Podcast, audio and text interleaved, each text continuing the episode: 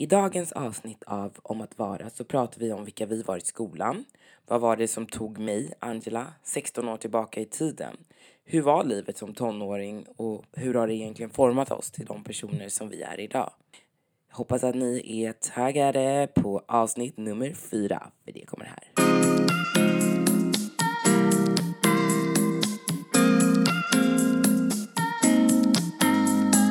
Nu... Nej men nej. Varför, varför ly- lyser din röda mute-knapp? De Alltså jag ska älskar garva. Det älskar ju folk också när du skrockgarvar.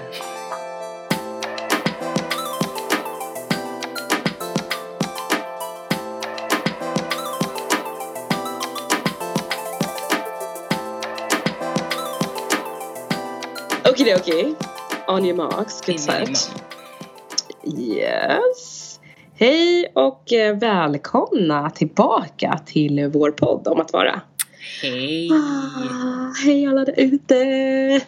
Alltså, hej Annie. Hej! Alltså hur kul nu att vi också så här, det här blir ju, nu är vi live på riktigt. Nu har vi fått lite Ah. feedback, nu är vi i, i rullning och Det känns helt galet. Det är liksom så här, men att man har förstått att så här, nu är det på riktigt. mm, Nu, nu är vi i fas, ni lyssnar på oss i fas nu. ja.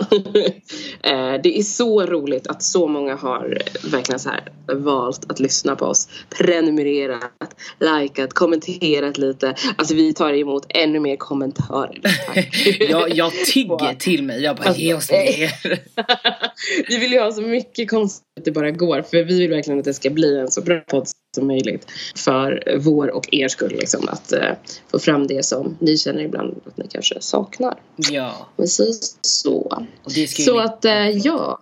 Vad, vad skulle du säga? Nej men jag tänkte säga att vi vill ju liksom göra det med en allvarsam ton men ändå mycket humor och lättsamhet. Det är viktigt. Så det, är Exakt. en bra Mycket viktigt. ingrediens. Mm. Glöm inte bort det när ni skriver era kommentarer.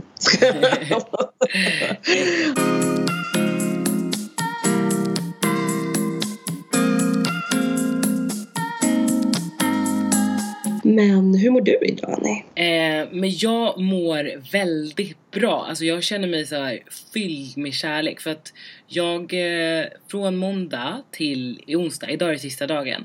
Så Mm. har jag eh, fått så här, göra en takeover på Heja Livet. Ja, i, woop, woop, till dig.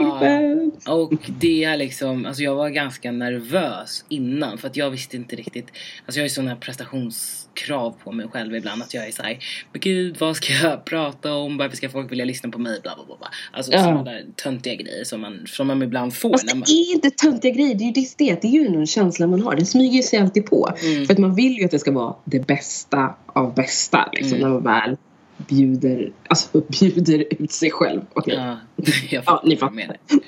Men ja.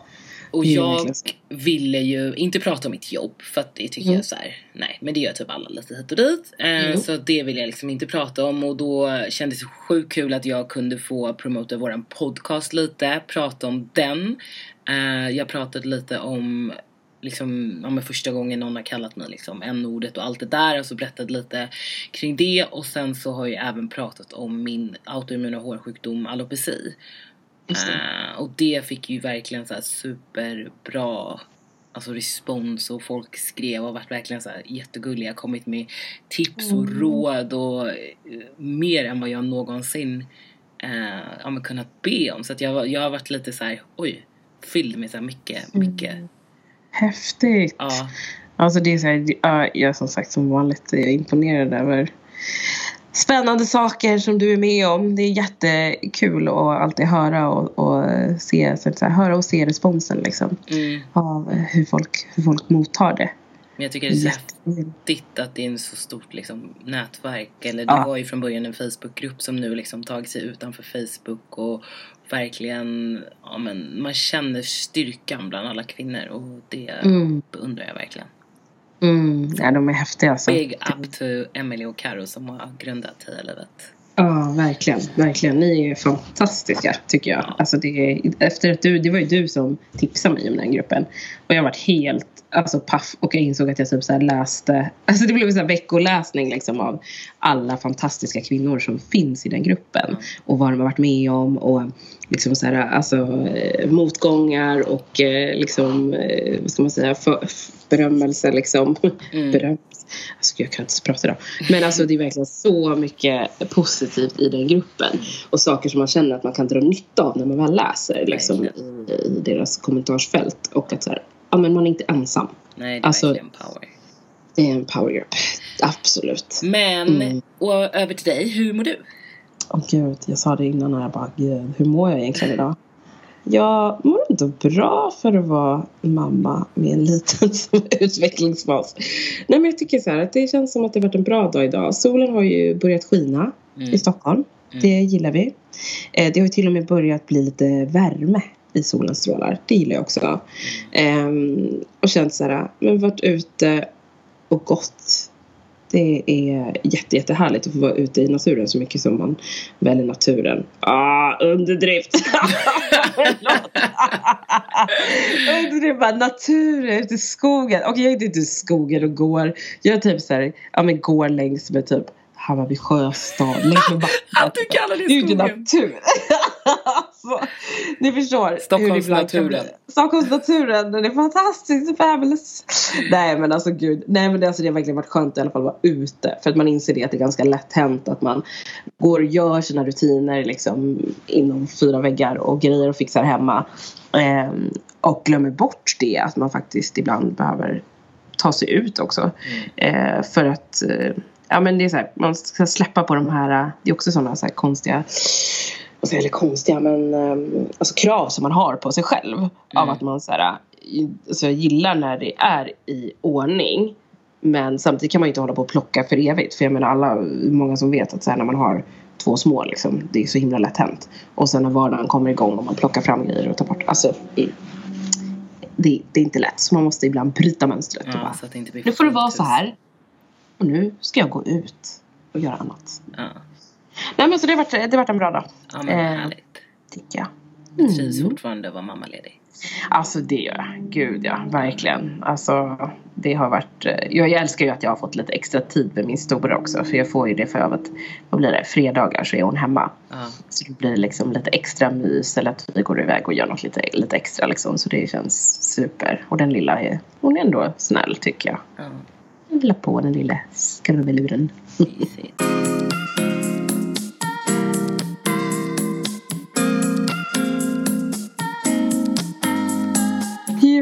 Nej men hur upplevde du hur upplevde egentligen du din skolgång Annie? Alltså, Tyckte du det var liksom bra, alltså bra rakt igenom eller? Mm, tänker du på alltså allt från liksom när jag började årskurs 1 till gymnasiet eller tänker du någon speciell tid eller vad? Mm, jag skulle nog säga ändå från typ, ja men vi säger så här, högstadiet mm. uppåt. För det känns som att det är där det börjar hända grejer. Det händer grejer. Ja. Um, alltså jag skulle väl säga att, alltså jag gillade inte skolan. Um, och mycket var ju liksom den här förvirringen och osäkerheten som vi pratade om tidigare. Um, dels också för att ja, men, ja, jag, jag, delade ju det på våran Instagram men jag hittade ju faktiskt, vi ska ju flytta om en månad. Um, och då så hittade jag en gammal dikt som jag hade skrivit. Och hur sjukt är det att den här dikten är skriven på dagen för 16 år sedan, eller okej, 4 april 2003 har jag skrivit den. Ja. Idag är det den 3 april och så hittar jag den idag. Alltså det är så sjukt. Ja. Har alla läst den? Jag skojar bara. Men jag, jag tänkte att jag kanske kan läsa upp den. Ja men ja. Ja. Um, mm. Den är, alltså jag själv, jag var så här, jag varit jätteilla berörd för att jag eh, kände, jag kommer inte ihåg när jag skrev den här. Men mm. jag minns känslan, eller känslan kommer tillbaka när jag, eh, när jag läser den. Mm. Eh, så att jag, jag tycker att det är viktigt att läsa den här för att jag hoppas inte, eller om någon känner det jag kände så hoppas jag att jag kan hjälpa den personen genom att säga att det kommer bli bättre. Och att mm. ingenting är liksom ens fel, om man ska säga. Mm. Eh, Okej, okay, då Då går den så här. Eh, jag fattar inte varför just jag, så här vill jag faktiskt inte ha. Mina kompisar får göra saker jag bara får höra. Gå på stan och ha kul. Jag känner mig så äcklig och ful. Svarting, neger, sånt jag hör. Åh, jag vet inte vad jag gör. Jag blir ledsen, arg och stum. Jag känner mig så jäkla dum. Ingen verkar tycka om svarta. Kan ingen fatta. Bara för att man ser ut på ett visst sätt behöver det inte alltid vara så lätt. Ibland vill man dö, men det är lång kö. Där alla är snälla. Ingen jäkla fälla. Det är något ni inte förstår, hur jag faktiskt mår. Ibland undrar jag varför jag finns, men det är väl något ni inte minns. Varför födde ni mig om ni ändå tänkte göra mitt liv till ett rent helvete? Det är mitt livs största gåta, men jag kommer aldrig er förlåta. Gud. Alltså ja, blödig mamma igen. Ja, Alltså det här är, det finns så mycket i den här dikten som, eh, som verkligen berör. Eller det berör, alltså, ja. det- är något fruktansvärt kan jag tycka. Eh, för det är så många saker som borde vara så självklart liksom. Att man borde få vara accepterad som man är.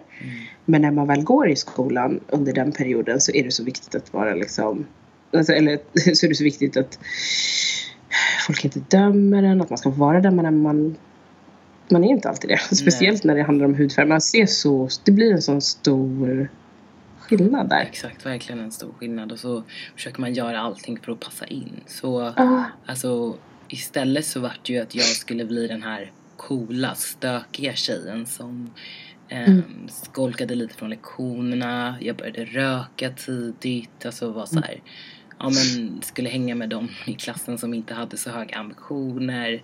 För att jag på det sättet skulle bli bekräftad. mm. Eh, och det var under högstadiet minns jag i alla fall. Tyckte du att det liksom, alltså kunde du och så blir det som att här, den, här, den här dikten är så målande på något sätt med så mång, på så många punkter liksom. Mm, Där det handlar om självkänsla och mm, att eh, liksom, självkänslan inte passa in och sådär. Upplevde du att det var någon som ändå såg, alltså såg det här liksom hos dig? Att bara såhär, men du, alltså nu, du har en sån här yta men vad finns det där bakom liksom? Alltså både ja och nej. Alltså mina kompisar, alltså det här var ju första gången idag som jag har delat det här officiellt till någon annan. Alltså inte någon av mina vänner, ingen, ingen har någonsin läst det där. Och de blir ju så här sorgsna för att de säger så här, men vi visste inte eller vi såg inte att du mådde så dåligt. Men jag Nej. skyller absolut inte på dem för att vi alla är Nej. unga. Alltså jag trodde ju aldrig att Exakt. mina problem var större än någon annans. Även fast det så här i Mm. efterhand kanske är väldigt mycket att bära för en 14-åring.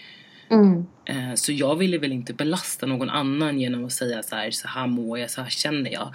Mm. Så när jag varit kallad de här sakerna eller mådde dåligt då försökte jag bara jamsa med. Allting var ju liksom bara en fasad. Och sen så kom jag hem och så skrev jag det här och mådde fruktansvärt dåligt. Usch, alltså det är verkligen, nej. Nej men det är verkligen som du säger, man ska inte lägga det på dem. Det är ju inte deras fel liksom, Nej. utan det är ju, det känns de som att det är en liksom så här, de vuxna och samhället i sig. För ibland kan jag tänka så här att barn vet inte bättre eller de, så här, de följer, barn, det är som jag alltid brukar skämta om, så här, barn gör inte som vuxna säger, barn gör som, barn, eller som vuxna gör. Mm, ja. Det är precis det. 100 procent. Och jag menar, vi kan ju inte säga till ett barn och så bara, men så ska du inte agera. Men om det är kring ett klimat hemma där det är så att man anser att eh, en, en viss färg är på ett visst sätt. Alternativt också som, som vi har sett att så här, med reklamer överallt och speciellt när vi var yngre, alltså yngre så var det verkligen, man såg inte oss. Nej.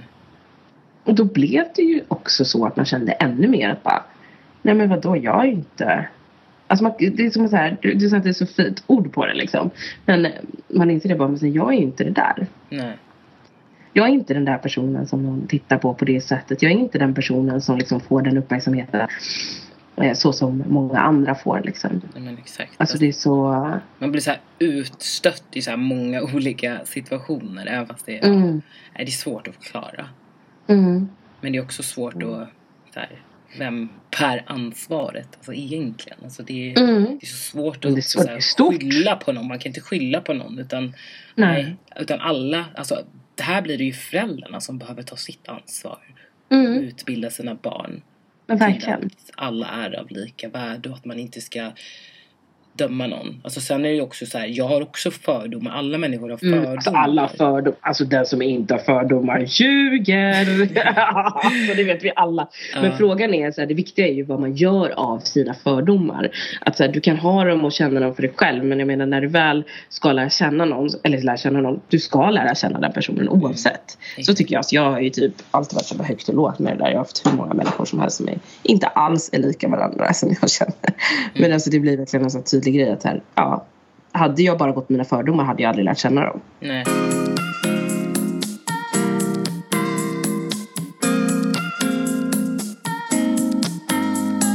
Eh, Jag pratade om att det var, så, det var någon som såg dig.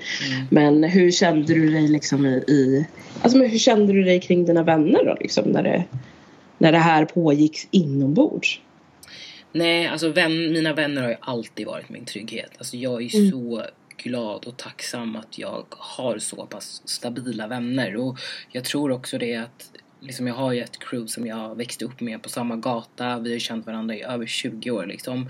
Och Mm. de var ju alltid de som var min trygghet. Även fast jag var den här coola tjejen i skolan så kom jag och liksom knappt hälsade på dem så kom jag ändå hem och vi plingade på dörren och hängde med varandra. Så de välkomnade alltid mig. Så på det sättet så kan jag väl ändå se, alltså jag var ju inte alltid en schysst kompis men ändå så fick jag alltid vara med. Mm. är så på så sätt så såg de väl mig. De kanske inte kände med mig, alltså visste vad som Mm. pågick inombords men att de ändå liksom inte valde att exkludera mig från deras umgänge fast jag Mm. inte var där jämt. Mm. Vad hade du, alltså ibland får man tänka sådär, men vad hade, vad hade du önskat att, att det sades eller gjordes för att kunna uppmuntra en sån här alltså, situation liksom? Eller uppmuntra situationen, situation, men uppmuntra till att det alltså, vända den trenden. Nej men alltså jag är väldigt besviken på Alltså med tanke på att jag bodde i fosterfamilj så var ju socialtjänsten inblandad och Mm. ehm, för några år sedan så hämtade jag ut så akter från Stadsarkivet för då dokumenterar de ju allting som har hänt. Mm. Eh, och då gjordes det ju en psykiatrisk utredning på mig. Eh, Mm. När jag, nu kommer jag inte ihåg hur gammal jag var, men det gjordes. Och Mm. hon, psykologen, eller vad hon nu var, eh, Mm. hon, hon var ju knäpp. Alltså det som står där det är också så här, men vad, vad har du gjort dina vad säger man, din bedömning på. För att jag vet Mm. också att jag motarbetade henne väldigt mycket. Jag ville inte, jag var ju så sagt jävligt tjurig, aggressiv, eller inte Mm. aggressiv men så här, jag ville verkligen inte samarbeta med någon. För att jag litade Mm. inte på folk. Eh, men där Mm. står det ju också, eller hon har ju skrivit att att jag borde ha gått i särskola för att jag har... Alltså. Ja men alltså det står bokstavligen Ah, att jag eh, alltså. har så pass låg intelli- intelligensnivå så att jag inte borde ha platsat i en vanlig klass och yadi yadi att det, är så, att det är synd om mig och att hon förstår att jag inte har klarat mig. Men sådana där saker. Och då känner jag så här. Mm.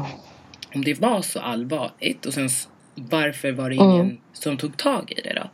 Om jag har gjort Mm, en mm. utredning där det står saker men det var fortfarande ingen Mm. som är så här, ja men hon behöver hjälp. Utan den, Ah. utredningen gjordes men sen så lämnades det öppet. Eh, Alltså. och, och det är ju inte sant, alltså det som står. Men det som, Nej. det stod ju andra delar, typ att jag var nedstämd, mer nedstämd än vanliga i tonåringar och sådana saker. Mm. Och det borde Och det är väl av all rätt. Alltså, det borde man ju ha uppmärksammat. Precis. Precis, det borde så man ju ha all- lyft att det var så här, men varför är det så här? Vad... Men det Mm. var aldrig någon som var tillmötesgående där. Så det är väl lite det som jag Mm. Eh, kan vara besviken på i så fall. Att någon borde ha sett mig. För att de hade ju också så här, pratat med lärare och allt. Så att folk Mm. var ju ändå medvetna om vad som pågick. Men det var ingen som ändå ville ta mig Mm. i deras famn om man säger så. Och det är så viktigt och just, på den, alltså just i den perioden också. Över hur sårbar och skör man är. Att verkligen det behövs ju någon som verkligen bara så här skärmar av och säger så här. Du, nu, nu får du följa med här liksom. Mm. Vi ska försöka göra saker och ting bättre för dig. Mm. Du är ju liksom, du är viktig. Mm. Alltså, Men det var det du, aldrig någon som du sa. behövde. Alltså, mm. Ja. Men det vart ju bra ändå. Jag blir så... Ja, ja, ja. Så, som tur är så Ja. var det ju fantastiskt bra. Alltså, som, som vi sa, så bara, men gud, man kan inte ens... Man kan inte, ibland blir man så man kan inte fatta liksom. Nej. Det har verkligen artat sig väldigt bra utifrån de stunderna. Ja, alltså det... Oh, gud. Så det där var väl liksom Mm. högstadiet och sen så fortsatte det väl lite i gymnasiet. Då började ju jag, Mm. för jag har ju som sagt, det här skrev jag ju en text och sen började jag ju blogga ganska tidigt, redan 2006. Just det. Eh, Mm. Och då var ju blogga väldigt nytt och jag hade en ganska stor blogg ett tag. Eh, Mm. var, ehm, men då fick jag ju också återigen massa påhopp. Mm. Ehm, att folk var så här, "Ah, vem du leker, vem tror du att du är, ah, dyster, la la la. Alltså också så här, folk i min skola var det ju då som gjorde det här. Jag vet ju vilka Mm. av de här personerna som var men de försökte ju också trycka ner mig via det. Eh, och trodde Mm. att jag var svin. De bara, du tror att du är så jävla cool och hit och dit. Eh, så det fick ju mig att till slut inte våga fortsätta på den nivån som jag egentligen Mm. ville. Och jag kommer ihåg också Mm. så här, vid ett tillfälle, vi, vi var hemma hos en tjej och hade en grillkväll. Mhm. Eh, och så skulle vi köra någon lek så här, när man ska ställa frågor till Mm. varandra. Mhm. Eh, och då så kom jag ihåg att de bara till, ställde frågan till mig om jag vill, vill du bli en blogg, bloggare, en stor bloggare, typ sådär. Mhm. Och jag var Mm. så här, och då sa jag nej. Och de, Mm. då hånade de mig, bara, "Ah, det vill du ju visst det. Ehm, Men det är ju precis, då blir man, känner man ju sig jätteuppmanad till att säga ja också liksom, när man vet stämning, Mm. stämningen kring liksom. Mm. Så där var liksom återigen en grej som jag egentligen ville göra, som jag tyckte var roligt. Men min självkänsla vågade inte ta mig hela vägen dit. Mm. Ehm, och Mm. sen började jag gå ut. Alltså det här var också gymnasiet. Mm. Och så började jag gå ut, Mm. hängde mycket på Stureplan. Eh, och, då, och samtidigt som jag jobbade, jag jobbade på McDonalds, jag och eh, en Mm, tjejkompis. Och vi var inte alls så här, alltså alla visste att vi jobbade på McDonalds. Det var ingenting som jag skämdes över överhuvudtaget. Jag hade så roligt när jag Mm. jobbade där. Eh, Mm. Och då var det ju typ såhär, ah Stureplan, Stureplan. Alltså, jag fattar inte att de skulle typ så här hitta grejer hela tiden. Mm. Att eh, Ja. påpeka, det, det är såklart att det var avundsjuka för att vi kände Ja. folk och kunde komma in gratis och sådär. För sen när jag Mm, började mm. jobba i kassan på en av nattklubbarna och folk var 18-20 liksom, då var det ju en helt annan stämning. Då ville ju alla bli uppskrivna då på listan och komma in gratis och ja det ja. Ah. Men, alltså, det där är så galet. ja. Alltså varför vill folk inte vara med på resan liksom? Nej nej, man För det ska ju kanske komma till man vill inte vara med på resan utan man kan komma till ja, ja visst. Det är ändå det viktigaste för då kan man ju få någonting utav det. Alltså det där stör mig något så fruktansvärt alltså. Mig lurar man. Alltså jag kan bli så... Usch, usch, usch, usch. Man kan bli så frustrerad och liksom, irriterad kring det. Liksom. Mm. Hur folk faktiskt beter sig eller betedde sig då också. Det, men det här är ju någonting som inte är helt ovanligt idag heller. Liksom, att folk Nej folk fortsätter har göra. så svårt att så, liksom. glädjas åt andra, jag fattar inte. Ah, och liksom peppa varandra. Alltså det är så här, även om inte jag är om inte jag eller du är så här, vi är stora. Så tänker jag så här, man kan väl pusha framåt varandra. Alltså. Pusha varandra framåt. Hur svårt kan det vara? För jag menar, går det bra för dig så kommer det ju även gå bra för den. Alltså går det bra för den personen kommer det även gå bra för dig. Alltså så, så tänker jag när det gäller liksom saker som pepp. Alltså kan jag hjälpa så försöker jag. Ja, men gud jag så är jag också Alltså- alltid. Alltså jag ger Mm. Alltid av mitt nätverk. Alltså jag vet inte hur många relationer. Alltså Ja, min kille han bara, du alltså. borde ta en procent. Så mycket folk som du liksom. Sagt det. Ja, ja. Ja men han säger det. Han bara, så mycket folk som du Ja. liksom presenterar för varandra, parar ihop med varandra. Alltså jag Mm, mm. tycker att man ska kunna dela med sig så gott det bara går. För att om inte jag kan dra nytta av Mm. den här kontakten, varför ska jag sitta och ruva på den när jag vet att någon annan behöver den? Ja. ja men verkligen, Men- verkligen. men och bara det- så här, ibland kan du säga Då är det ju bara för att man själv är så här, åh nej, tänk om hon lyckas och så är jag kvar här. Ja, då bara, men alltså varför tänker du än så? Det är det där som är så här, man blir det sjuka. Man bara, alltså lyckas, lyckas hon så lyckas du. Ja. Så skulle alltså, jag utgå från det för att du, så här, du får ju ändå lära känna henne och du får kanske mer en erfarenhet som du kan liksom ha med dig vidare sen Mm. som är positiv. Och sen också att ni kan komma ihåg varandra i olika sammanhang och då också alltså det kan ju föra er framåt liksom, i, inom den branschen eller vad det nu kan tänkas vara för relationer eller så. Mm. Alltså, ja, man blir helt stum. Man blir helt stum alltså. Men Ja. ja, nog om min skolgång. Alltså som sagt, jag kan ju bara sammanfatta den lite. Så rent krasst så säger ja, Mm. den var helt okej. Jag har liksom aldrig älskat skolan på det sättet. Jag var bra, eller jag var inte jag var med där liksom. Jag var inte Mm. dålig, jag var inte bra. Jag gick, i, ja, jag gick ut med två IGN. ehm, Mm. för att jag eh, ja, men mådde skit sista året. Men Mm. eh, ja, som sagt, det, det löste sig ändå. Jag tycker liksom Mm. inte, det är såklart, eller jag tycker att man ska gå i gymnasiet, det tycker jag, men jag tycker liksom inte att det spelar någon roll för vad man har för betyg. För att det du vill göra sen, det kan du fixa oavsett. Mm. Jag känner inte, jo men din bakgrund har ju ändå alltså, spelat roll i hur du har blivit idag och påverkats av Ja, det tycker jag definitivt. Alltså det har ju varit liksom Mm. glidningar, lite mobbing, alltså under hela tiden. Men sen så har jag förträngt väldigt mycket också. Mm. Och det är väl lika bra. Mm, på ett sätt ändå. Det har ju tagit det och blivit, alltså nå- någonstans där på vägen har du ju blivit starkare liksom. Eller bröt du dig loss Mm. den här så kallade muren av allt skit om man säger så. Ja men exakt. Och bara tagit det ett steg i taget för att komma framåt. Ja, och det är väl Ja, liksom det är ändå alltså. lite tacksam för, eller vad man ska säga. Det finns ju liksom ingen Mm, som kan nej, trycka ner en nu för att man har ju redan varit med Mm. om saker.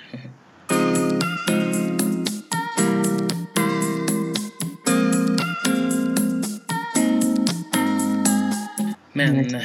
du, hur, hur var det för dig i skolan?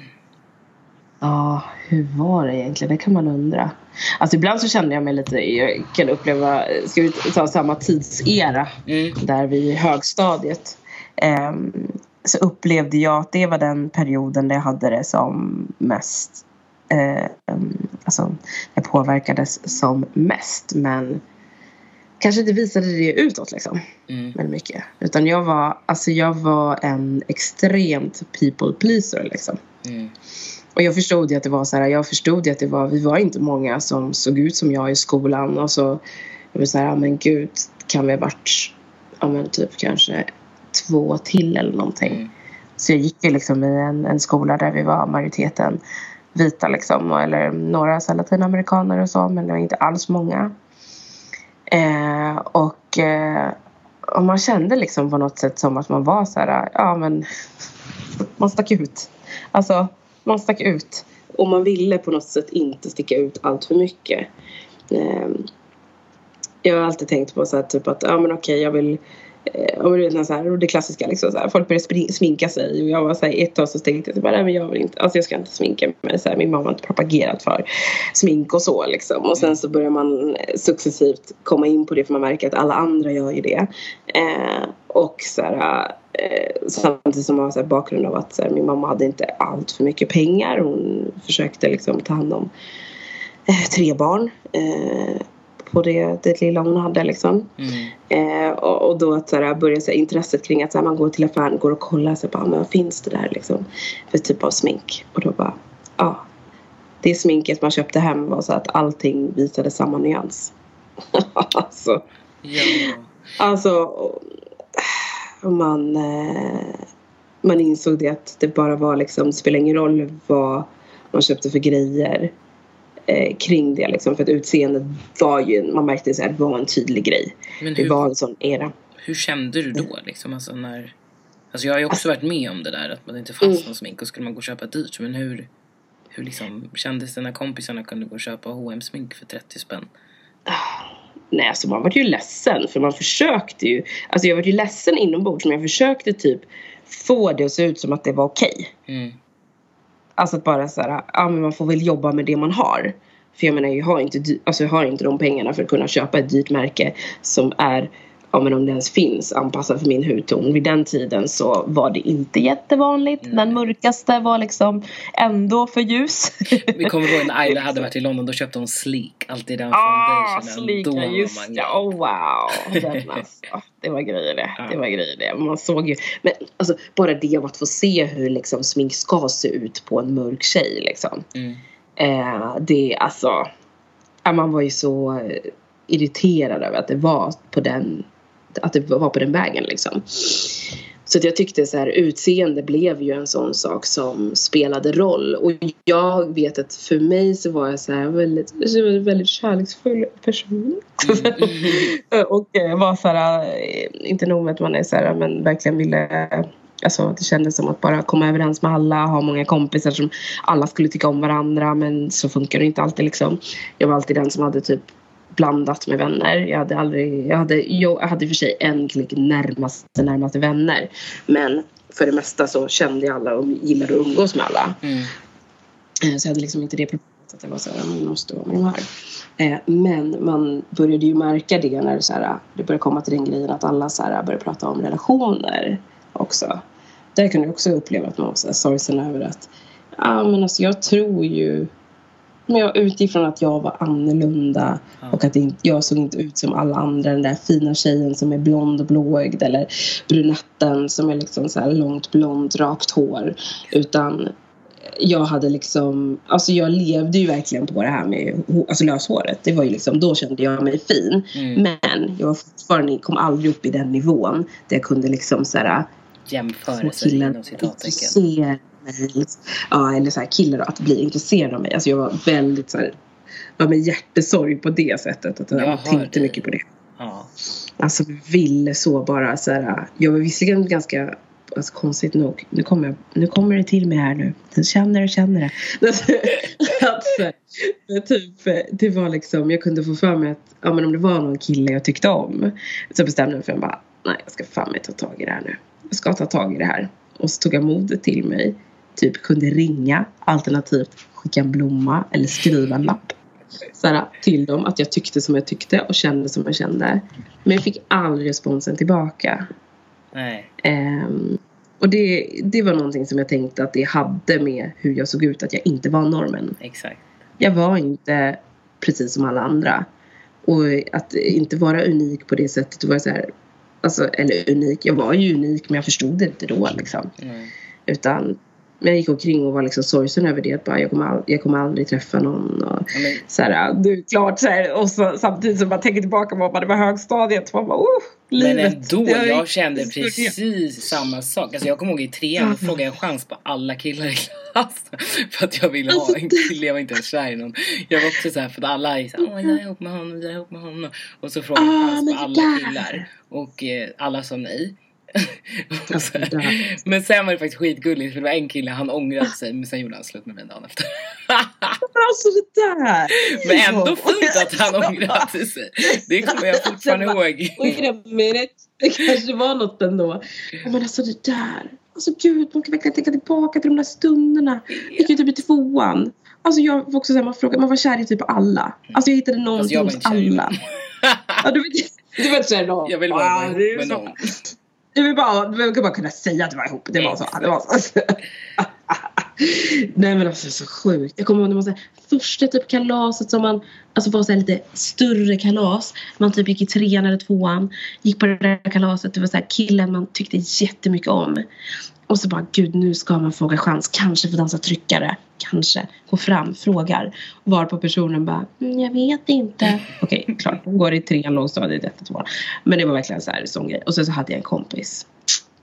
Vi, jag trodde vi var vänner. Jag säger bara det. Jag trodde vi var vänner. Snodde hon din kille? Men hon gick och frågade chans på honom. Och när hon väl frågar chans på honom. Vad säger han då? Ja. Då säger han ja. Mm. Alltså jag gick, jag kom hem. Jag hade, alltså ni måste förstå det här. Mamma hade sytt de snyggaste kläderna. Hon var väldigt händig min mamma också. Mm. Så hon hade sytt en liten discokjol. Det var så här disco, alltså så här paljetter på. Och ett, typ en liten väst, en liten så här magtröja. Så nöjd över det här. Och kommer hem och gråter i floder. När hon frågar så här, hur var kalaset? Jag var så ledsen. Ja, ingen vill vara tillsammans med. Nej, Jag fick inte vara ihop med honom som jag tyckte om. Alltså så sorgsen. Och det kan jag ibland så här, tänka på än idag att det var så här, bara, ja, men det börjar ju så tidigt med så här, alltså skillnaderna. Mm. Liksom. Men du Att ser då, inte så här, ut jag, som inte, jag, mig. jag ville inte tänka, exakt. Jag ville ju inte tänka det tror jag. Eh, För att jag menar ändå tacksamt att Alltså mamma var så här, försökte ändå peppa på att jag inte skulle vara för annorlunda. Eller jag skulle vara Hemma är jag 100% afrikan. Eh, utanför hemmet då är jag 100% svensk. Mm. Så det var det, de, det var det de sa liksom. Så att då skulle ingen skilja på mig. Men klart att relationsmässigt var ju en helt annan sak. Det var inte någonting som man... Alltså, nej. Nej. Det skulle det inte, det skulle inte ha att göra med. Alltså så. Men man var nog ledsen för alla andra gjorde ju det. Man ville ju bara passa in. Ja, ja, ja. Alltså, det var ju bara för Ja, sakens så. skull. Sen var det ju liksom skitsamma. Ja, men lite så. egentligen. Utan Ja, man men vill ju också bara känna sig... Nej, man vill ju också bara känna sig sedd. Ja, ja men verkligen. Alltså vet du, jag vet vad Nej, jag just- gjorde? Alltså jag skrev Jag bara, som sagt jag gillade ju att skriva. Jag skrev ju också en dikt till en kille i skolan som jag är kär i. Och sen så hade vi en dikttävling. Då lämnade jag in dikten och vann. Va? Alltså, alltså det är ändå vågat. Ja, fast det, jag hade ju inte nämnt hans namn eller någonting sånt där i dikten. Du hade inte gjort det? Nej. Nej, det hade Det jag var inte. kul. Men jag, han, han, en- han, han visste nog att jag var kär i honom eftersom jag typ stalkade honom och typ varje lördag, eh, för han bodde i samma område Ja. som oss, då stod han och sålde Bingolott utanför Coop. Och då, då cyklade jag upp dit och kollade på honom när han sålde Bingolott. Oh my god, alltså den här kärleken som var vid den eran alltså. Ja, Alltså det är så fint. ja. Det är så fint med stalkers som barn. Men det är Ah, så, det är så kul. oskyldigt. Nej men det är så oskyldigt. Man bara, jag gick i första året på gymnasiet. Nej jag skojar. Det gjorde jag inte. Ja precis, nu kommer det fram. Nu kommer det fram. Nej men alltså det är ju någon sån grej som så här, det är så betydelsefullt liksom. Mm. Eh, den perioden ändå. För det, det stannar ju kvar som ett minne, det är klart det gör. Ja, ja. Alltså om jag tänker tillbaka på så här, ja, men skolans coolaste tjejer hade alltid de coolaste och snyggaste killarna och man visste så här. Det där är untouchable. Alltså det kommer aldrig hända. Nej. Att man liksom Fick level up. får vara Ja men verkligen. Alltså den dagen man levlade det, alltså, det, det, det kändes som obefintligt. Ja. Så då blev det på något sätt som att man fick så här, tänka om. Alltså hoppas på att det inte tog för hårt. Men det tog ju hårt. Alltså det fanns ju alltid med den känslan av att man inte skulle få, alltså att man inte passade in. Mm. Men man försökte dölja det bakom massa andra grejer. Alltså jag kommer ihåg typ att jag så här bara, men tog min mammas, eh, alltså min mamma hade, hon älskade kläder också väldigt mycket och älskade att sy precis som jag, väldigt kreativ. Så att hon, jag fick ju låna, eller jag lånade, jag tog väldigt mycket av hennes kläder. Och fick det till att bli en cool grej. Mm. Att det var liksom så min sak, att jag kände mig självsäker och trygg i de kläderna.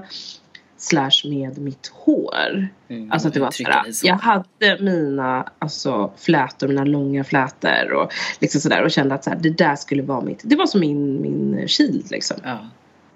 Det var det, det var det jag döljde mig bak, alltså dolde mig bakom. Fast det finns ju en kvar idag, liksom hur du uttrycker dig både med håret och kläderna. Så att det skapade ju ändå någonting som vart en del utav dig. Ja, och idag, ja, gud vad fint. Så, tack. Ja, men jag tycker ändå att det är fint. Ja, nej, men jag, är- alltså jag är tacksam för att det har blivit på något sätt att jag så här, alltså velat gå min egen väg på Mm. den biten. Alltså den delen av att jag så här, inte är rädd för Alltså jag tänkte på det var ett tillfälle jag bara gick ut förra veckan. Eh, jag skulle väl gå iväg till, gå min lilla promenad. Eh, och gå på ett läkarbesök och så insåg jag så här, jag bara, ah, men jag har massa saker som jag tycker om. Eh, jag är ändå mammaledig så att jag har kanske inte på mig alltid mamma snygga kläder. Men så tänkte jag så här bara, men alltså det finns vissa saker som jag bara älskar. Bara, I'm gonna rock it anyway. Mm. Alltså, jag tror att så här, jag hade aldrig haft en inställning om det inte hade varit för att jag hade fått med mig det sen innan. Att, så här, tycker jag om de grejerna då ska jag ha dem. Alltså det kom till en övergång. Eh, mellan jag tror det var högstadiet och gymnasiet. Jag har liksom fattat så här, men okej men det här är, det här är jag liksom. Mm. Eh, innan så döld, alltså, dolde jag mig bakom det. Men nu, alltså den övergången från högstadiet till gymnasiet så var det att det här är faktiskt min personlighet. Ja. Eh, som som jag eh, Uttrycker det. vär, har värnat om. Liksom. Mm. Och uttrycka mig. Absolut. Så det, ja. Men det var har det, varit var det någon period som du tyckte liksom var jobbigare än andra? Tyckte du högstadiet eller gymnasiet? Eller liksom vilken period? Eller var det samma lika? Alltså jag måste ändå känna, alltså säga att jag tyckte att det var alltså bland. Det känns som så här nian var så här fantastisk typ. Att det känns som så här, ja men typ sjuan till åttan och sen så hade typ första året på gymnasiet eh, att liksom så här sjunka in vissa saker. För sjuan till, nio, äh, eh, sjuan till åttan då var det liksom sådär typ att en så här, ny skola, eller ny skola, men ja det var en ny skola. Sjuan där och så försöka liksom känna sig trygg i sig själv men veta att det är, man sticker ut, man är annorlunda. Eh, man vill bara passa in men det typ går inte. Alltså lite den situationen. Eh, så det tyckte jag präglade men sen så hade jag det väldigt jobbigt hemma parallellt också. Eh, att det liksom var i den vevan när ja, mina föräldrar kanske var väldigt turbulent mellan dem och just vårdnaden och, och, och om oss. Liksom. Så att det, det påverkade mig väldigt mycket att jag liksom inte fick chansen även där att inte vara barn helt. Liksom. Och, och vara tonåring vid den tiden. Um, så jag fortfarande ändå ganska så här, ha, um, ha ganska stort ansvar över mina syskon. Mm. Vilket man inte ska när man är sådär ung. Alltså, verkligen inte. Verkligen inte. Alltså det, är så här, det är verkligen så skönt på något sätt att landa i det idag. Mm. Att det här... Det, det, var, det är inte normalt liksom. Nej. Alltså jag tog det som norm ju innan. Att det var så här, "Ah, ja men vadå? Kan inte mamma och pappa ta hand om mina syskon, då får ju jag göra det. Jag är ju ändå här. Det är mina syskon. Om inte du har något annat att jämföra med så vet du ju liksom inte vad som är rätt Mm. eller fel. Förrän någon talar om det för en. Så Mm. så Ja, det. verkligen. Nej, så det, nej, men jag tyckte verkligen att det var då, alltså den perioden och sen på gymnasiet så var det väl det där alltså att successivt förstå hur stor skola man gick på. Mm. Eh, Ja men du gick ju på Nacka gymnasium på... Jag gick på Nacka gymnasium. Woop, woop. Nej, det var... Och jag gick på Bra att det var en gymnasium. Mm, ja, ja, jag har hört talas om de där Värmdö bruttorna. nej men alltså det, eh, nej, men det var verkligen eh, tog lite tid innan man förstod att så här, det är så stor skola. Mm. Det är många olika. För då kändes det som att etnicitet började bli lite mer så här. Gud, det är så blandat. Jag kan börja smälta in på något sätt. Mm. Jag kan börja slappna av på den biten. Ja men du fick Jag vara en kan- elev kanske bara i skolan utan att folk bara åh där är Ellie. Utan du fick Ja. kanske, eftersom det är så stor skola, att kanske inte alla visste vem du var. Fast det kanske folk visste ändå. Precis, sen blev jag, gick jag ju med i elevrådsstyrelsen och då jävlar. Då, Då, alla. då, tog klubb, då kom du fram med klubban där. Ja, då blev det så istället. Hon var i festkommittén och sådana grejer. Så då blev det ju... Nej, jag skojar. Det, det, eh, det var... Nej, men alltså det var verkligen skönt att på något sätt smälta in och inte behöva tänka. Och sen så alltså, under den perioden också kunna hitta sig själv. Mm. Nu upplever jag ändå att det tog tid innan jag verkligen, verkligen hittade mig själv. Men jag menar under så här, tonårsåren så kändes det som att det var då det började successivt eh, få så här, ja ah, men okej, eh, jag är svart men det finns också andra svarta här. Mm. Eh, alltså jag eh, liksom alltså, har en bakgrund som jag har men det finns flera andra som också har samma bakgrund Ja men exakt. och har den här mixen. Så då är det på något sätt normalt. Och det är liksom så här, det gjorde det lättare. Mm. Och det gjorde att jag inte tänkte på det sättet liksom, som jag gjorde tidigare. Men hittade du liksom vänner där som du då kände att du kunde känna en slags samhörighet som hade liksom liknande bakgrund eller var det mer bara att du såg de här personerna och tänkte så här okej jag är inte ensam? Alltså det som blev, det lustiga som skedde då var ju att Ja men jag tydde ju mig till, alltså jag hade ju några vänner kvar från, alltså som kom från högstadiet som var tidigare i, eh, eller så här, mellanstadiet var det. Mm. Eh, jag flyttade från Orminge till Älta ett tag. Eh, och då var ju liksom, de vännerna kom ju tillbaka, jag kunde knyta an till dem på eh, gymnasiet sen. Eh, och det gjorde ju situationen väldigt mycket lättare. Alltså på något sätt blev det så här, man, jag, jag, tänkte, nej men jag tänkte inte de banorna längre. Men du menar de här som kom tillbaka, var det för att de var din trygghet eller, eller jag vet inte? om- Ja men jag tror faktiskt att det var, nej men jag tror verkligen att det var så att de var min trygghet. Eh, de var min trygghet och sen så de nya vännerna som blev där, det blev så här, ja men vi hade andra intressen som pratades om. Det var andra fokusområden. Det, var så, det kändes som att det var så brett, det var så mycket större. än att det bara handlade om hudfärg. Och jag var så, jag var så glad på något sätt av att det blev så. Fattar. För då blev man så här, då tänkte man inte på grejerna lika mycket. Eh, liksom så. Och sen så sminkmässigt så dök ju Viva La Diva upp. Åh, just det! Pigmenterade. Ja, vi är inte sponsrade tyvärr. Nej men. Fast då vill jag inte bli sponsrad av dem. Nej, jag skojar. och man körde Mac thank you. Eh, Eh, forever. Vi kan namedroppa några stycken. Nej men alltså det var ju jättetacksamt för då blev det helt plötsligt något helt annat med den biten också. Mm. Att så här, man kunde börja hitta saker inom det. Man kunde börja landa i att så här, men herregud vänta lite nu. Det finns nog faktiskt några som tittar åt mitt håll. Mm. Ja, det kan inte vara på grund av min hudfärg liksom. Eh, som de, alltså att det är, det är det som är det relevanta utan det är bara såhär, jag är jag liksom. Eh, stack liksom inte, jag bara stack inte ut men försvann inte heller i mängden. Alltså lite på den nivån liksom. Mm. Att man var lite sedd för Ja. den du var utan att Ja. din färg Ja. var det primära. Så det var ju bara det enda som, ja, som vi pratade om i förra avsnittet över det här med just söka jobb-grejen. Det var väl då det smög sig tillbaka. Vet, så här, Mm. Första gången man skulle söka sommarjobb. Att då helt plötsligt kände jag att vänta vad fasen. Nu var det om på ruta ett. Nu backar vi Mm. tusen steg bak liksom. Ja, Det är en liksom. pers och liksom så här, eh, inte nog med att man är tonåring eh, Mm. och sen har det här också för att jag menar alla tonåringar går igenom liksom det är puberteten och det är mycket som Ja. händer runt omkring så att alla har vi varit där och varit osäkra på oss själva men sen så ska vi också vara osäkra på oss själva plus ha våran bakgrund och bagage det blir så himla mycket av allt Eh, så att det är så svårt att liksom sålla ut vad, vad, vem man är, vad man ska. Ja men verkligen hitta sig själv Och liksom. det är då vi hade behövt ha de där förebilderna. Ja, gud ja. Alltså kan du fatta att ändå så här, de enda förebilderna som man hade när man var, lit, alltså, när man var liten. Jag blev så här. Alltså jag fick ju rysningar när jag såg typ så här Kajo på tv. Mm. Kajo. Vad, vad var det mer? Alltså det fanns hela ju. Afrodite. Alltså då var det. Ja de kom ju. De kom, de kom lite senare för mig kanske. Ja. Eh, det kanske var med din era. Min tror jag. Och sen så med Kajo hon körde ju lite så grejer eh, innan typ. Jag har för mig att hon körde egen inte, solokarriär lite. Ja, Och sen så hade vi ju eh, Emilia. Alltså, ja Emilia jag också. Just det, gud det tänkte jag inte på. Eh, Emilia, Kajo Feven. och så Alice Ba, Feven också. Men det var typ dem och då kände man så här, men gud det är inte många. Nej. Det är inte många och de Alltså de har De säkert, alltså, så men de, mycket alltså, de äldre har, också så att Ja. man kunde inte riktigt relatera ändå.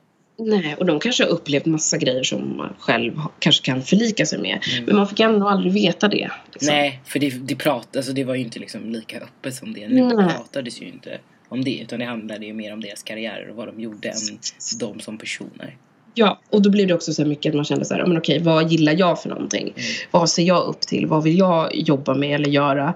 Eh, precis som du sa förut också, så här, men det är ju det man skulle vilja ha sett. Att det fanns mer bredd på det. Mm. Att man kunde se fler inom olika områden. Så man kunde säga så här, men fasen, jag kan göra precis vad som helst. Men det man fick med sig var att så här, men jag kommer nog få kämpa mycket, mycket mer än alla andra. Nu är det inte utseendet som det handlar om. Nu är det helt plötsligt en kompetens som jag måste liksom kunna bekräfta eller vad man ska säga. Mm. Ja, gissas alltså. Det här är ju ett ämne som vi också skulle kunna tala länge om. Ja men eller hur, man bara babblar på och så kommer man tänka på Ah. andra saker som, Ah, som har med det att göra. Men summan av kuddemumman av din skolgång då? Vad skulle du säga liksom? Vad var dina, ditt ris och ros? alltså mitt ris var ju verkligen det där att jag började tänka så mycket på hur jag såg ut så tidigt. Mm. Ehm, och nu kan många kanske tycka att sen vadå, högstadiet är inte så tidigt. Men det känns fortfarande som att man är fortfarande barn. Alltså det är så här, du vet verkligen inte allt om livet i den åldern. Ehm, så att jag skulle nog säga bara så här, att man börjar tänka på hur man ser ut så tidigt. Är verkligen alltså ris. Ehm, och att inte fokusera kanske på ens egenskaper och ehm, ja, men fokusera på ens egenskaper och, och vem man är på det planet istället. Mm. Eh, för det är så här, man är så mycket mer än bara en yta. Mm. Det är så viktigt att se tidigt kan jag tycka. Eh, att inte bara veta att det så att jag vill vara snygg och jag vill vara söt. Liksom. Att det är det enda.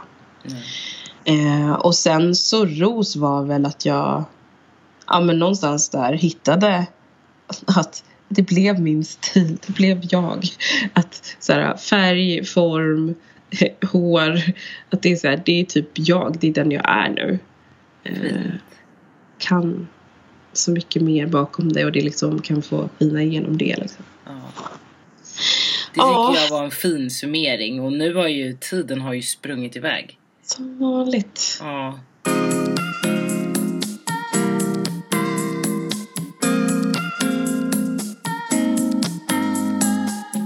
Alltså gud jag är så glad, alltså jag älskar våran podd. Alltså jag gör, jag, jag med, jag med. Och ni med! Alltså, jag hoppas verkligen att ni med gör det. Ja. Alltså, mm. Ja men men snälla, alltså så. här, mejla oss gärna om vad ni Ja. vill att vi ska prata om. Och feedback, som sagt, supermycket feedback vi vill ha. Ja, Vi vet verkligen. att ljudet har varit lite halvdant men nu har Ja. vi två bra mikrofoner Mm. eh, och förhoppningsvis så låter det liksom mycket bättre. Vi vill verkligen att det ska vara kvalle och att ni ska vilja och palla lyssna på hela avsnitten. Eh, men vår mail är ju om att vara at gmail.com och samma med vårt Instagramkonto om att vara. Och vi är snart uppe i 100 följare. Alltså jag är så stolt. Ah, Det är så häftigt! Ja. Nej, vi, är så, alltså, vi är så glada och så tacksamma över att ni vill följa med på den här resan verkligen. Mm. Och som sagt att vi gör resan tillsammans. Det är inte Exakt. bara jag och eh, Annie som jag liksom gör det här utan vi gör det tillsammans med alla er. Och ni har ju redan varit superbra på feedback. Alltså vi har fått jättemycket Verkligen. fina meddelanden och Ja. alltså jag är beyond happy. Ja, verkligen. Så rörd är jag. Jag blödiga mamman. Mm. Jätterörd. Ja, men Ja. nu ska jag gå och tvätta om sminket och göra mig redo för att sova faktiskt. Ja men vad skönt. Jag önskar att jag kunde följa ditt mönster. Jag är så här jättedålig på det för jag har nattuggla. Mm. Och till och med med sömnbrist så blir jag sugen på att kreera. Så jag ska sitta och skissa på en poster. Nej men alltså jag är ju ett barn. Alltså jag måste ju sova åtta timmar annars blir Alltså, jag ju är- grinig. Men alltså det är så bra ändå med åtta timmar. Ja men, jag, ja men jag måste ju gå och lägga mig typ 9-10 för att jag går ju upp så tidigt. Ja. Ja men det är bra. Det är grymt bra. Mm. Men då så. Vi Men- hörs till nästa gång. Det gör vi. Ta hand om er. Puss och kram och Puss och kram. kärlek. Yes. Hej då!